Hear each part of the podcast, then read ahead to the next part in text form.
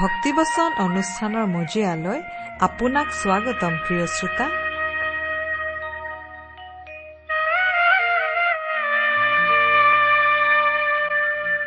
ভক্তিবচন অনুষ্ঠানত আপোনাক পুনৰ লগ পাই আমি নথৈ আনন্দিত। আশা কৰো এই অনুষ্ঠানত প্ৰচাৰ হোৱা বাক্যসমূহে আপোনাৰ ব্যক্তিগত জীৱনত অলপ হলেও সহায় কৰিছে।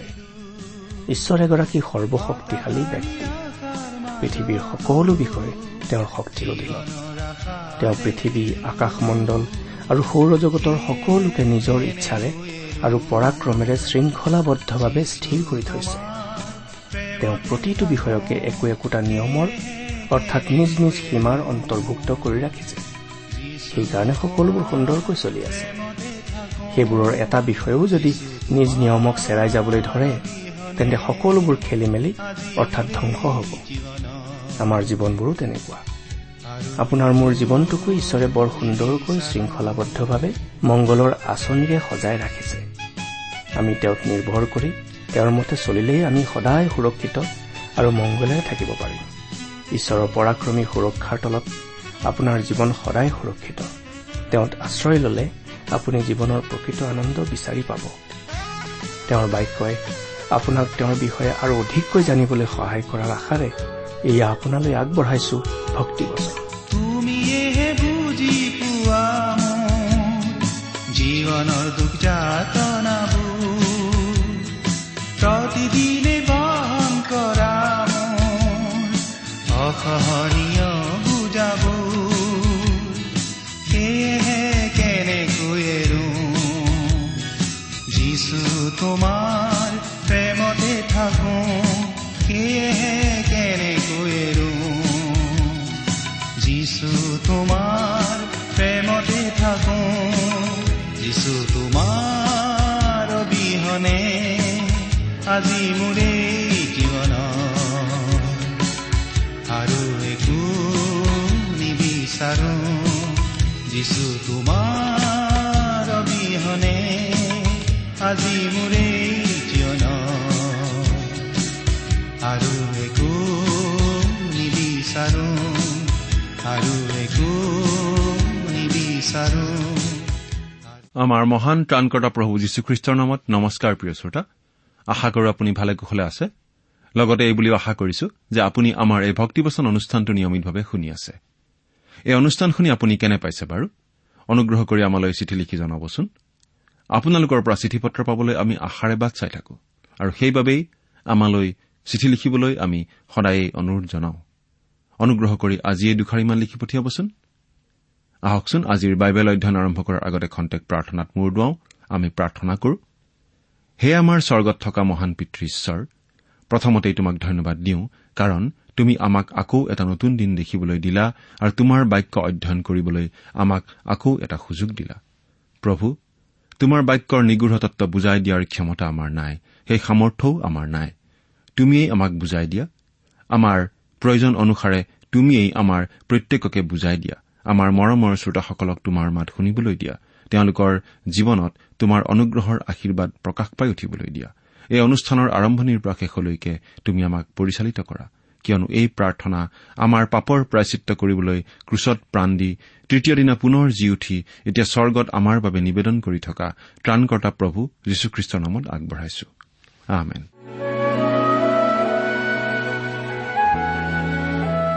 প্ৰিয় শ্ৰোতা আপুনি বাৰু আমাৰ এই ভক্তিবচন অনুষ্ঠানটো নিয়মিতভাৱে শুনি আহিছেনে? তেনেহলে আপুনি নিশ্চয় আমাৰ আগৰ অনুষ্ঠানটোও শুনিছিল।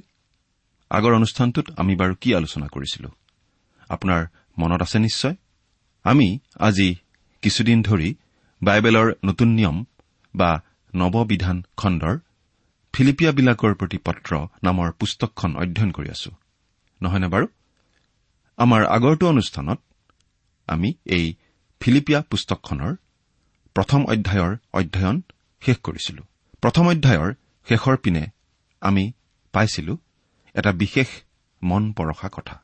পাচনি পৌলে এই বুলি কৈছে যে তেওঁৰ বাবে এই পৃথিৱীত জীয়াই থকাই হৈছে খ্ৰীষ্ট আৰু তেওঁৰ বাবে মৰাই হৈছে লাভ। কিন্তু জীয়াই থকা অৱস্থাত তেওঁ প্ৰভু যীশুখ্ৰীষ্টৰ হকে বহুত কাম কৰে। গতিকে তেওঁ জীয়াই থাকিবলৈ পালে ভালেই পাব। কাৰণ জীয়াই থাকি তেওঁ খ্ৰীষ্টৰ হকে বহুখিনি কাম কৰি যাব পাৰিব আৰু কৰিবলৈ তেওঁ ইচ্ছা কৰে।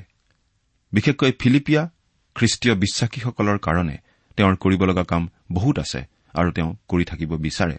কিন্তু যদিহে তেওঁ মৃত্যুবৰণ কৰে তেন্তে তেওঁৰ নিশ্চয় লাভ হ'ব কাৰণ তেওঁ মৃত্যুৰ পাছত প্ৰভু যীশুখ্ৰীষ্টৰ সৈতে থাকিবলৈ সৰগলৈ যাব পাব।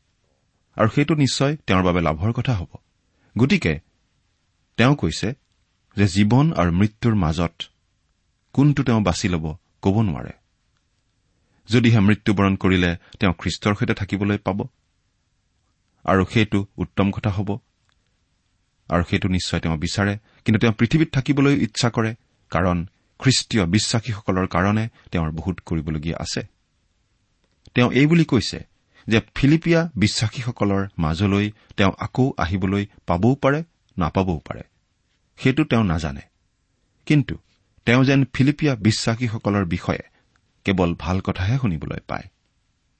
তেওঁ ফিলিপিয়া বিশ্বাসীসকলক বিশেষভাৱে উদগনি দি কৈছে তেওঁলোকে যেন একতাৰ মাজত থাকে তেওঁলোকে যাতে শুভবাৰ্তাৰ যোগ্য আচৰণ কৰে তেওঁলোকৰ কথা বতৰা কাম কাজত যাতে খ্ৰীষ্টৰ শুভবাৰ্তা প্ৰকাশিত হয়। তেওঁলোকে যাতে বিৰোধী লোকবোৰক ভয় নকৰে আৰু খ্ৰীষ্টৰ কাৰণে নানা ধৰণৰ দুখ কষ্ট সহ্য কৰিবলৈকো তেওঁলোক যাতে সাজু থাকে। কাৰণ বিশ্বাস কৰিবলৈ যিদৰে ঈশ্বৰে তেওঁলোকক অনুগ্ৰহ প্ৰদান কৰিলে খ্ৰীষ্টৰ হকে দুখ ভোগ কৰিবলৈকো ঈশ্বৰেই অনুগ্ৰহ প্ৰদান কৰিছে। আজি আমি এই ফিলিপিয়া পত্ৰখনৰ দুই নম্বৰ অধ্যায়ৰ আলোচনা আৰম্ভ কৰিব খুজিছো। ফিলিপিয়া পত্ৰৰ এই দ্বিতীয় অধ্যায়টোৰ মূল বিষয়বোৰ হৈছে খ্ৰীষ্টীয় জীৱনৰ আৰ্হি খ্ৰীষ্টৰ মন ঈশ্বৰৰ মন পৌলৰ মন তিমঠিয়ৰ মন আৰু ইপাফ্ৰদিতৰ মন। প্ৰথমটো অধ্যায়ত আমি খ্ৰীষ্টীয় জীৱনৰ দৰ্শন পালো। একেটা পদতেই মোৰ পক্ষে জীয়াই থকাই হৈছে খ্ৰীষ্ট আৰু মৰাই হৈছে লাভ। এয়েই হৈছে জীৱনৰ দৰ্শন খ্ৰীষ্টীয় জীৱনৰ দৰ্শন। খ্ৰীষ্টই আছিল পাচনি পৌলৰ জীৱনৰ কেন্দ্ৰবিন্দু। এতিয়া আমি এই দ্বিতীয় অধ্যায়ত খ্ৰীষ্টীয় জীৱনৰ বাবে এটা আৰ্হি বা এটা প্ৰণালী দেখা পাওঁ আৰু সেই আৰ্হিটো হৈছে খ্ৰীষ্টৰ মন। আনৰ নকল কৰি আমি খ্ৰীষ্টীয় জীৱন যাপন কৰিব আচলতে নোৱাৰো। আমি প্ৰায়েই এনেদৰে কোৱা শুনো যে আমি খ্ৰীষ্টৰ অনুকৰণ কৰিব লাগে। তাৰমানে বাৰু আমি কি বুজাওঁ? আমি খ্ৰীষ্টৰ নিচিনা হবলৈ চেষ্টা কৰিব লাগেনে? তেওঁক নকল কৰিবলৈ চেষ্টা কৰিব লাগেনে?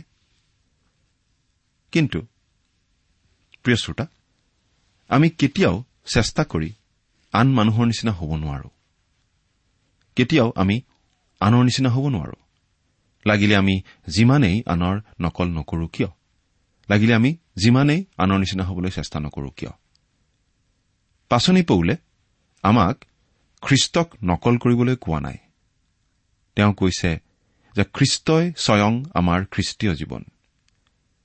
খ্ৰীষ্টক সম্পূৰ্ণৰূপে আৰোপণ কৰাটোহে তেওঁ বুজাইছে। অৰ্থাৎ খ্ৰীষ্টৰ মন আমাত থকা উচিত। খ্ৰীষ্টৰ মন আমাত থকা উচিত। অৰ্থাৎ আমাৰ মনটো খ্ৰীষ্টৰ মন হোৱা উচিত। এইটো আমি কৰিব নোৱাৰো। একমাত্ৰ পবিত্ৰ আত্মাৰ শক্তিতহে এইটো সম্ভৱপৰ হ'ব পাৰে। আমি আমাৰ জীৱনত প্ৰায়েই এনেকুৱা অভিজ্ঞতা লাভ কৰো যে আমি যেতিয়া নিজৰ ইচ্ছাৰে কিবা এটা কাম কৰিবলৈ আগবাঢ়ি যাওঁ নিজৰ সামৰ্থ্যৰ ওপৰত ভৰসা কৰি কিবা এটা কাম কাঢ়ি কিবা এটা কাম কৰিবলৈ আগবাঢ়ি যাওঁ আমি প্ৰায়েই উজুতি খাওঁ। কিন্তু যদিহে আমি কওঁ প্ৰভু যীশু মই নোৱাৰিলো মই বিফল হলো। এতিয়া তুমিহে হস্তক্ষেপ কৰা কামটো তুমিয়েই সম্পন্ন কৰা। তেতিয়া প্ৰভু যীশুৱে অতি সুন্দৰভাৱে কামটো সমাধা কৰে।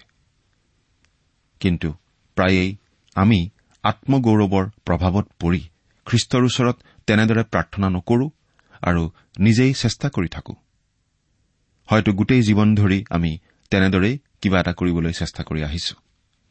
কিন্তু আমি বিফল হৈ থাকো। কিন্তু বিফল হলেও আমি মানি ল'বলৈ টান পাওঁ। আমি নিজে একাষৰীয়া হৈ ঈশ্বৰৰ আত্মাক কাম কৰিবলৈ দিবলৈ শিকিব লাগিব। তাৰমানে অৱশ্যে আমি হাত সাৱটি বহি থাকিব লাগিব সেইটো নহয়। ঈশ্বৰে আমাক যি কাম কৰিবলৈ দিছে আমি নিষ্ঠা সহকাৰে সেই কাম কৰি যাব লাগিব। কিন্তু মূল শক্তি আৰু নিয়ন্ত্ৰণ আহিব লাগিব ঈশ্বৰৰ আত্মাৰ পৰাহে। ফিলিপিয়া পত্ৰৰ দুই নম্বৰ অধ্যায়ত আমি এটা গুৰুত্বপূৰ্ণ তাত্বিক বিষয়ও আলোচনা কৰিম। কিন্তু আজিৰ অনুষ্ঠানত আমি বেছিদূৰ আগবাঢ়িব নোৱাৰিম কাৰণ আমাৰ হাতত বেছি সময় নাই। এতিয়া আমি এই দুই নম্বৰ অধ্যায়ৰ প্ৰথম পদটো পাঠ কৰি দিব খুজিছো। আপোনাৰ লগত যদি বাইবেল আছে চাই যাব। আৰু যদিহে বাইবেল নাই অনুগ্ৰহ কৰি মন দি শুনিব। পাঠ কৰি দিছো ফিলিপিয়া দুই নম্বৰ অধ্যায়ৰ এক নম্বৰ পদ। ইয়াত এনেদৰে লিখা আছে এতেকে খ্ৰীষ্টত যদি কোনো আশ্বাস প্ৰেমৰ যদি কোনো সান্তনা আত্মাৰ যদি কোনো সহভাগিতা আৰু যদি কোনো স্নেহ আৰু কৰুণা থাকে ইয়াত যদি শব্দটো কোনো চৰ্ত বুজাবলৈ ব্যৱহাৰ কৰা নাই কিন্তু যুক্তি দিবলৈহে ব্যৱহাৰ কৰা হৈছে। বহু সময়ত পাচনি পৌলে যুক্তি দিবলৈহে যদি শব্দটো ব্যৱহাৰ কৰা আমি দেখিবলৈ পাওঁ। পাচনি পৌলে অতি যুক্তিপূৰ্ণভাৱে কথাবোৰ চিন্তা কৰিছিল।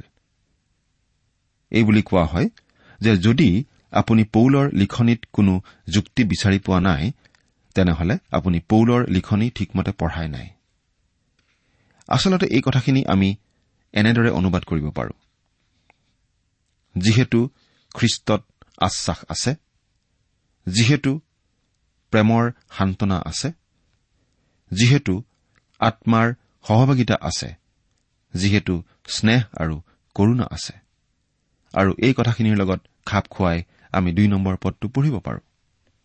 পাঠ কৰি দিছো তেন্তে তোমালোকে একে বিষয় ভাবি একে প্ৰেমৰ এক মনৰ আৰু এক ভাৱৰ লোক হৈ মোৰ আনন্দ পৰিপূৰ্ণ কৰা।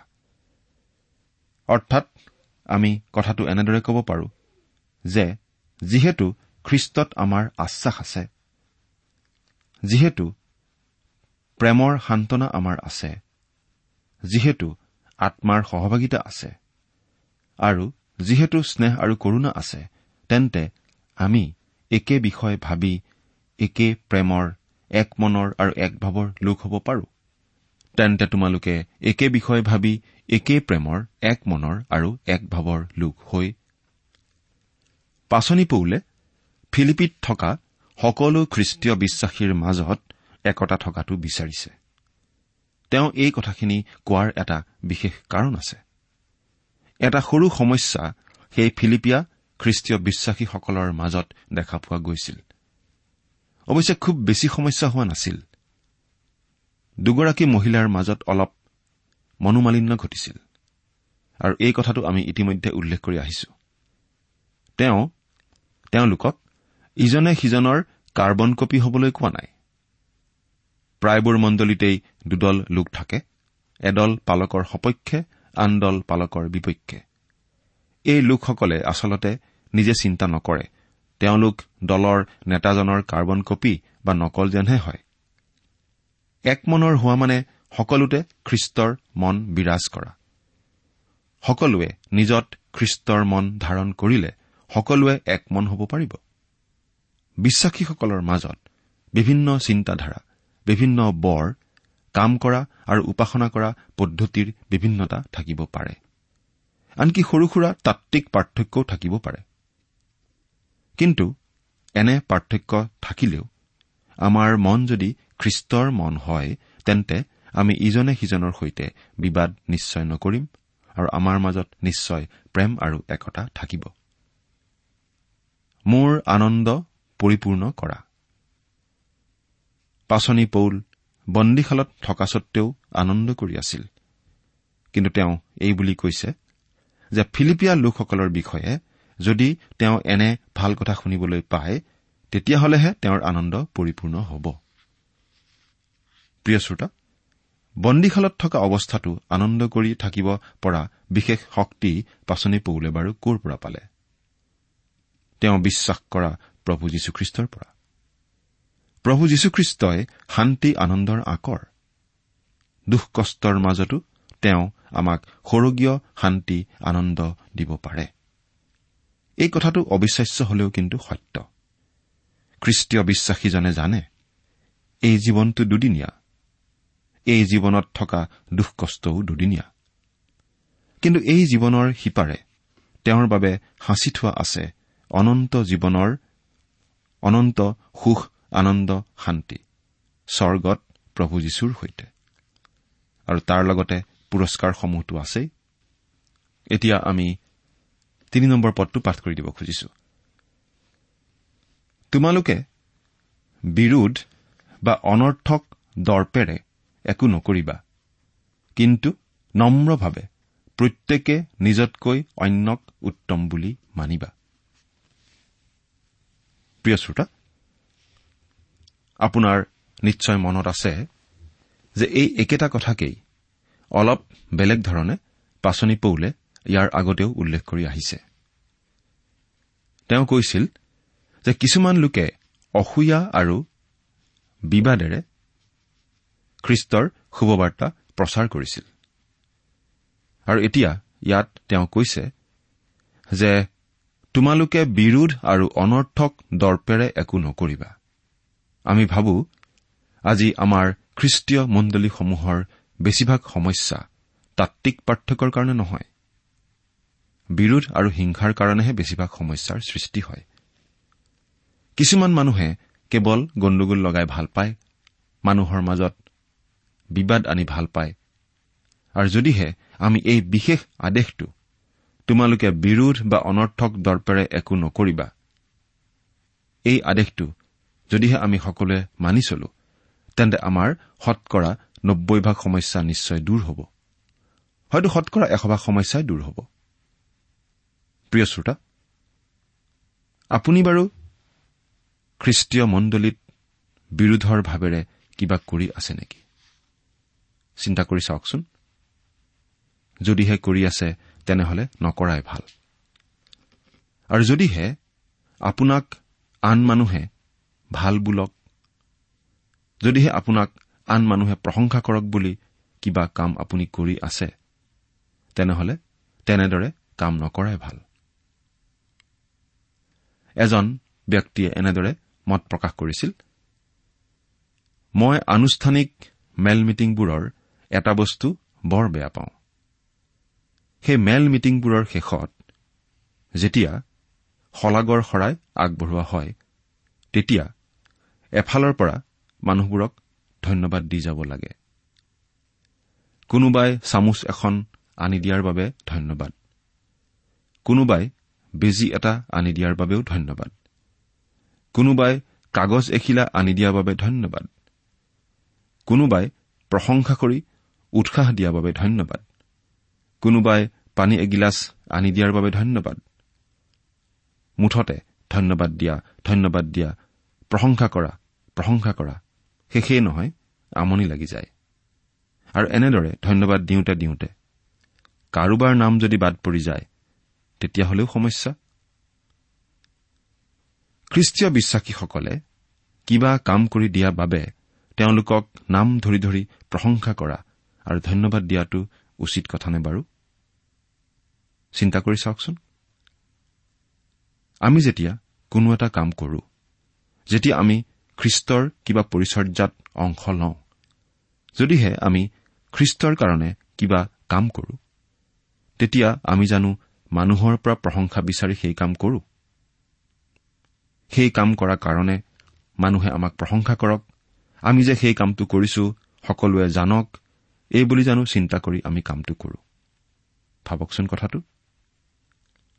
আচলতে খ্ৰীষ্টৰ পৰিচৰ্যাত কিবা ধৰণে অংশগ্ৰহণ কৰিবলৈ পোৱাটোৱেই বৰ ডাঙৰ কথা। সেইটোৱেই বৰ ডাঙৰ সন্মানৰ কথা। ঈশ্বৰে আমাক দিব পৰা সকলো সন্মানতকৈ সেইটোৱেই আচলতে ডাঙৰ সন্মান যে তেওঁ আমাক তেওঁৰ পৰিচৰ্যাৰ কামত অংশগ্ৰহণ কৰিবলৈ দিছে। গতিকে সেই কাম কৰাৰ কাৰণে আমি কোনো মানুহৰ পৰা কেতিয়াও কোনো ধৰণৰ প্ৰশংসা আচলতে আশা কৰা উচিত নহয়। ইয়াতে এই কথাটোও আছে। যদিহে কিবা এটা কাম কৰাৰ কাৰণে আমাক মানুহে প্ৰশংসা কৰে আমাক বাহ বাহ দিয়ে তেতিয়াহ'লে আচলতে আমি সেই কামৰ পৰা পুৰস্কাৰ পালোৱেই। আৰু যদিহে আমি এই পৃথিৱীতেই এই সময়তেই আমাৰ সেই কামৰ বাবে পুৰস্কাৰ পালো তেনেহলে আমি পাছত প্ৰভু যীশুৰ পৰা কিবা পুৰস্কাৰ আশা কৰিব পাৰিমনে? সেই কামটোৰ বাবে এই বিষয়ে প্ৰভু যীশুৱে স্পষ্টভাৱে জনাই দিছে যে আচলতে আমি মানুহৰ পৰা প্ৰশংসা পোৱাৰ পাছত সেই একেটা কথাৰ বাবে ঈশ্বৰৰ পৰা প্ৰশংসা আশা কৰিব নোৱাৰো কাৰণ আমি ইতিমধ্যে সেই পুৰস্কাৰ পালোৱেই। পাচনি পৌলে কৈছে তোমালোকে বিৰোধ বা অনৰ্থক দৰ্পেৰে একো নকৰিবা। নিজৰ নাম হবলৈ আনৰ পৰা প্ৰশংসা পাবলৈ একো নকৰিবা। আমি কেতিয়াবা বিৰোধেৰেও কাম কৰো বা কেতিয়াবা অনৰ্থক দৰ্পেৰেও কাম কৰো। আমি যেতিয়া আনৰ লগত প্ৰতিযোগিতা কৰি আনতকৈ অধিক ভালকৈ আমি কাম কৰিব পাৰো বুলি ভাবি প্ৰতিযোগিতাৰ মনেৰে কাম কৰো তেতিয়াহ'লে সেইটো বিৰোধেৰে কাম কৰাৰ নিচিনা হয়। বা আনৰ লগত আমাৰ মত নিমিলা কাৰণে। আমি নিজাকৈ যেতিয়া সেই একেটা কামকেই কৰিবলৈ হাতত লওঁ সেইটো বিৰোধেৰে কাম কৰাৰ নিচিনা হয়। আৰু যেতিয়া আমি ভাবো যে সেই কামটো আমাৰ বাহিৰে কোনেও ভালদৰে কৰিব নোৱাৰে আমি নহলে সেই কাম কেতিয়াও সফল নহব তেনেকুৱা অনৰ্থক দৰ্পেৰে যেতিয়া আমি কামটো কৰিবলৈ লওঁ সেই কামটো আমি দৰ্পেৰে কৰা কাম হয়। মুঠতে আমি বিৰোধ বা অনৰ্থক দৰ্প কোনোটোৰেই কাম কৰিব নালাগে। আমি নিজৰ নাম হবলৈ বা আনৰ পৰা প্ৰশংসা পাবলৈ আশা কৰি কাম কৰিব নালাগে। কিন্তু দুখৰ বিষয় যে বহু সময়ত আমি তেনেদৰেই কাম কৰো। কোনো এটা কাম কৰি কোনো মানুহৰ পৰা প্ৰশংসা নাপালে আমি পেটে পেটে অসন্তুষ্ট হওঁ। পাচনি পৌলে কৈছে তোমালোকে বিৰোধ বা অনৰ্থক দৰ্পেৰে একো নকৰিবা। তাৰ পিছত তেওঁ এই বুলি কৈছে কিন্তু নম্ৰভাৱে প্ৰত্যেকে নিজতকৈ অন্যক উত্তম বুলি মানিবা। কথাটো ভালদৰে মন কৰকচোন। এইটো অতি গুৰুত্বপূৰ্ণ কথা আৰু ইয়াৰ মাজত আমাৰ জীৱনৰ বাবে এটা গুৰুত্বপূৰ্ণ নীতি সোমাই আছে। নম্ৰভাৱে প্ৰত্যেকে নিজতকৈ অন্যক উত্তম বুলি মানিবা। আমাৰ মাজত যদি বিৰোধ আৰু অনৰ্থক দৰ্প হ'ব নালাগে। তেতিয়াহ'লে আমি নম্ৰভাৱে প্ৰত্যেকেই অন্যক নিজতকৈ উত্তম বুলি মানিব লাগিব। তেতিয়া তাত বিৰোধ নাথাকিব আৰু দৰ্পৰ স্থল নাথাকিব। মানুহবোৰৰ মাজত মিলাপ্ৰীতি বজাই ৰখাৰ বাবেই এইটো অতি সহজ উপায়। আৰু মানুহৰ মাজত মিলাপ্ৰীতি বজাই ৰখাৰ এইটোৱেই একমাত্ৰ উপায় বুলি আমি ক'ব পাৰো। প্ৰিয় শ্ৰোতা আমি ইতিমধ্যেই উল্লেখ কৰি আহিছো যে ফিলিপিয়া মণ্ডলীৰ ইবদিয়া আৰু চুন্তুখী নামৰ দুগৰাকী মহিলাৰ মাজত অলপ মতভেদ হৈছিল অলপ মনোমালিন্য ঘটিছিল।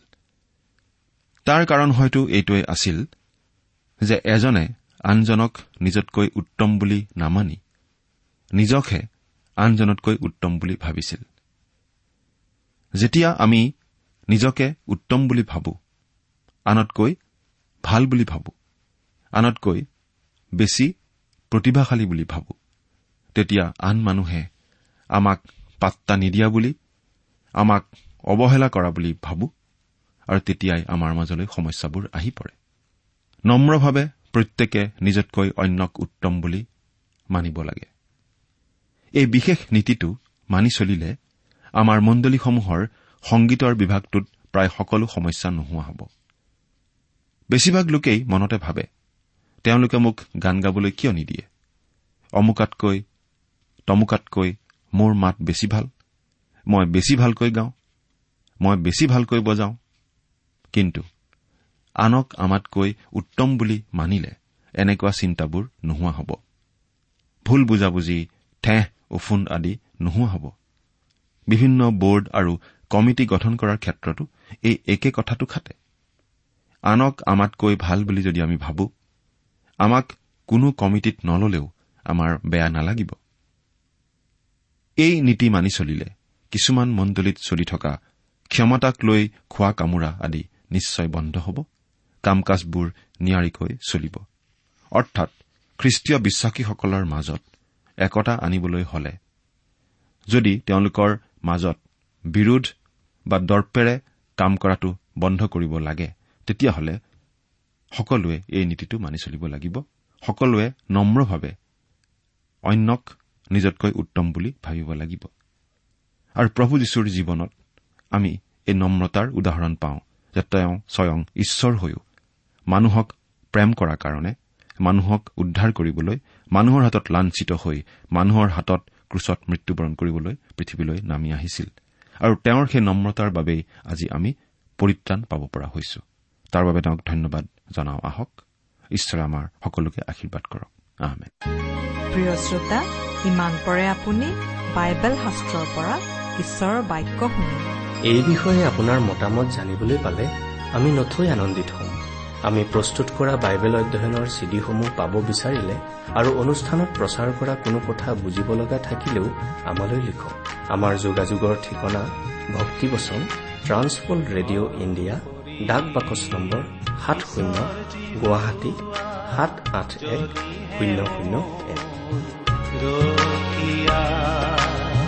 মোৰ কিহৰ ভয় কিহৰ দুখীয়া সৰ্বোপৰি ঠিকনাটো আকৌ এবাৰ কৈছো ভক্তিবচন ট্ৰান্স ৱৰ্ল্ড ৰেডিঅ' ইণ্ডিয়া ডাক বাকচ নম্বৰ সাত শূন্য গুৱাহাটী সাত আঠ এক শূন্য শূন্য এক। আমাৰ ইমেইল এড্ৰেছটো হৈছে Assamese T TV at the rate radio' eight eight two dot com. আমাৰ website W W W dot T W R dot in. কোমলীয়া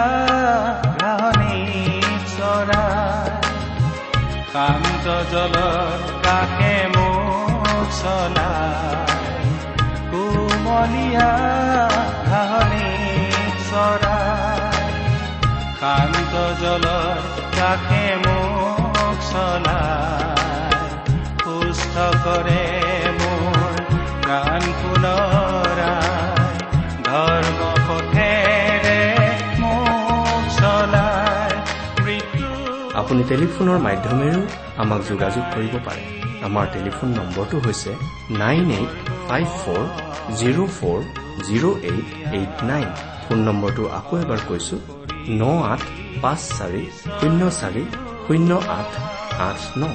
আপুনি এই ভক্তিবচন অনুষ্ঠানটি আমাৰ website W W W dot radio' eight eight two dot কমতো শুনিব পাৰিব। আজিৰ অনুষ্ঠানটি ইমানতেই সামৰিছো।